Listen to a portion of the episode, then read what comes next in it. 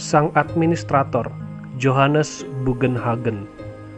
Di dalam sebuah lukisan berjudul Der Weinberg des Herrn, karya Lukas Kranach de Younger, yang dipamerkan di gereja Saint Mary di Wittenberg, Jerman, menggambarkan para reformator di kota Wittenberg yang bekerja sama berdampingan sebagai petani di kebun anggur di sebuah lereng bukit. Mereka semua merawat tunas yang sedang tumbuh dan juga memanen tanaman anggur. Dan di dalam kerja keras mereka, pekerjaan para reformator yang bekerja sama ini jelas membuahkan hasil. Di dalam lukisan tersebut ada sosok Martin Luther yang terkenal, Philip Melanchthon yang terpelajar, juga banyak para reformator lainnya dari kota Wittenberg.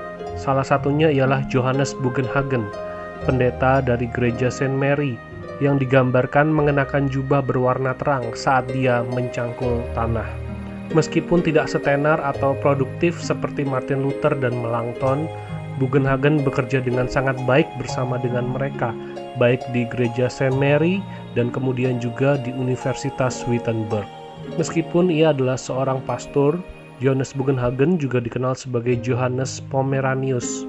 Ia melayani di dalam reformasi bukan hanya sebagai seorang pendeta, tetapi ia dikatakan sebagai seorang teolog, seorang penafsir, dan juga ia reformis sosial dan penyelenggara gereja. Sebagai seorang teolog, Bugenhagen memang tidak banyak belajar mengenai teologi. Dia hanya mengikuti pendidikan dasar teologi secara formal, tetapi dia juga banyak membaca kitab suci juga dari banyak tulisan bapak-bapak gereja. Bugenhagen memiliki kemampuan berbahasa Latin yang sangat baik, dan dengan modal itu ia akhirnya mendapatkan gelar dokter di bidang teologi dari Universitas Wittenberg dan menjadi dosen di bidang teologi di sana. Bugenhagen juga menonjol dalam bidang eksegetis, karena pada tahun 1524 ia juga menerbitkan buku tafsiran mengenai kitab Mazmur dan juga ia membuat tafsiran tentang kitab Yeremia dan juga Injil Matius. Ia juga menerjemahkan Alkitab dari bahasa Latin ke dalam bahasa Jerman untuk kalangan bawah.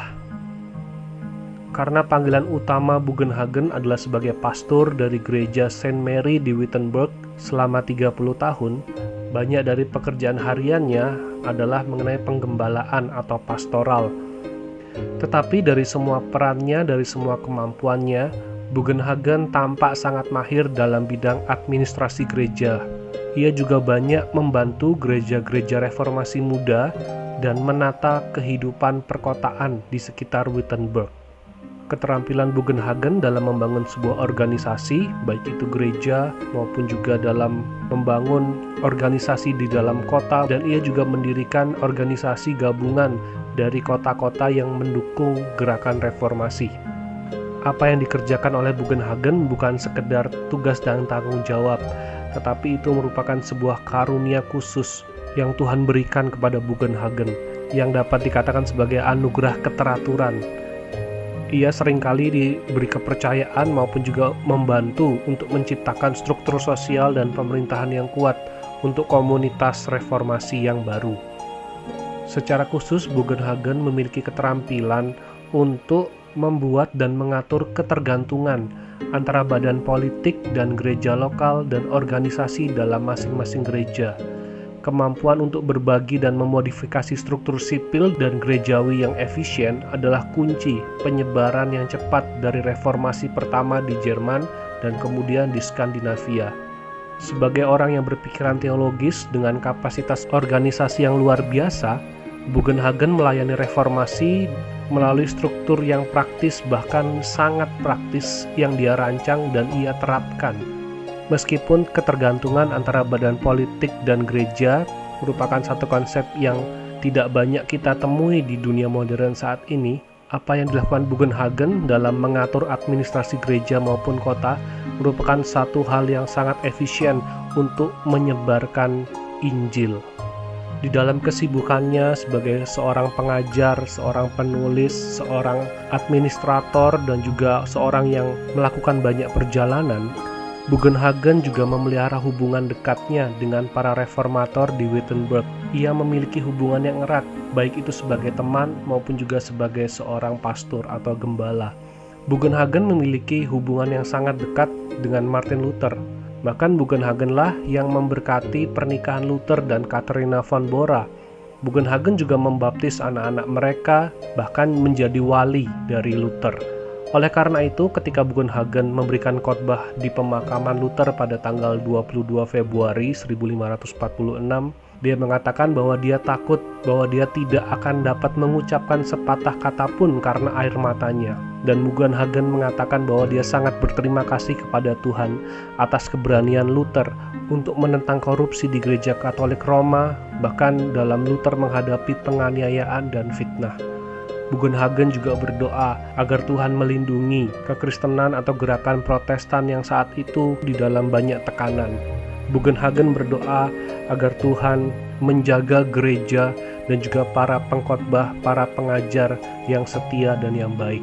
Saat Bugenhagen berdoa untuk kesetiaan dan ketekunan dalam pekerjaan pemberitaan Injil, demikian juga lukisan dari Kranak der Weinberg des Hun menggambarkan para pembaru Wittenberg sebagai sekelompok penginjil dan pengkhotbah yang bekerja sama untuk merawat dan menumbuhkan gereja menjadi dewasa di dalam Kristus.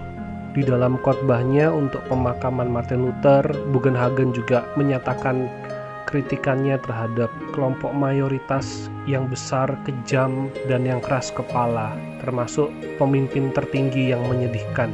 Bahkan Bugenhagen menggunakan bahasa apokaliptik untuk membandingkan gereja Roma dengan Babilonia. Dan Bugenhagen mengakhiri khotbahnya itu dengan menyatakan bahwa gereja adalah kebun anggur milik Yesus. Jika Kristus kembali tiba-tiba untuk menandai akhir zaman, sebuah peristiwa yang diyakini Bugenhagen akan segera terjadi.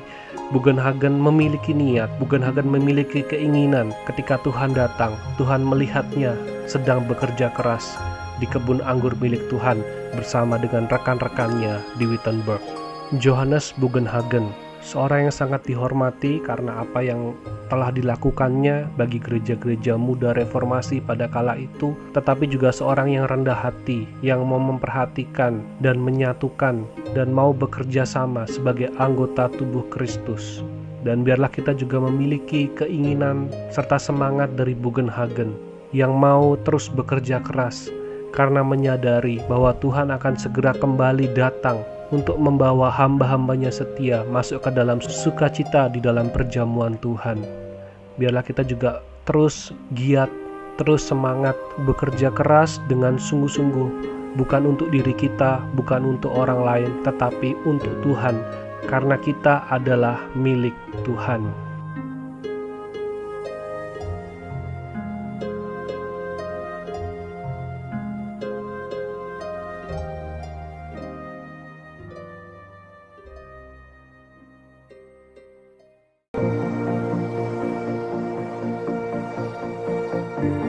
Terima kasih buat kamu yang sudah mendengarkan podcast ini sampai akhir. Kalau ada saran, ada kritik, ada masukan, bisa langsung aja ke kolom komentar di Instagram podcast bebas terbatas. Kalau kalian ada pertanyaan mengenai iman Kristen, mengenai Alkitab, atau dukungan doa, bisa aja langsung DM di Instagram podcast bebas terbatas. Tuhan Yesus memberkati.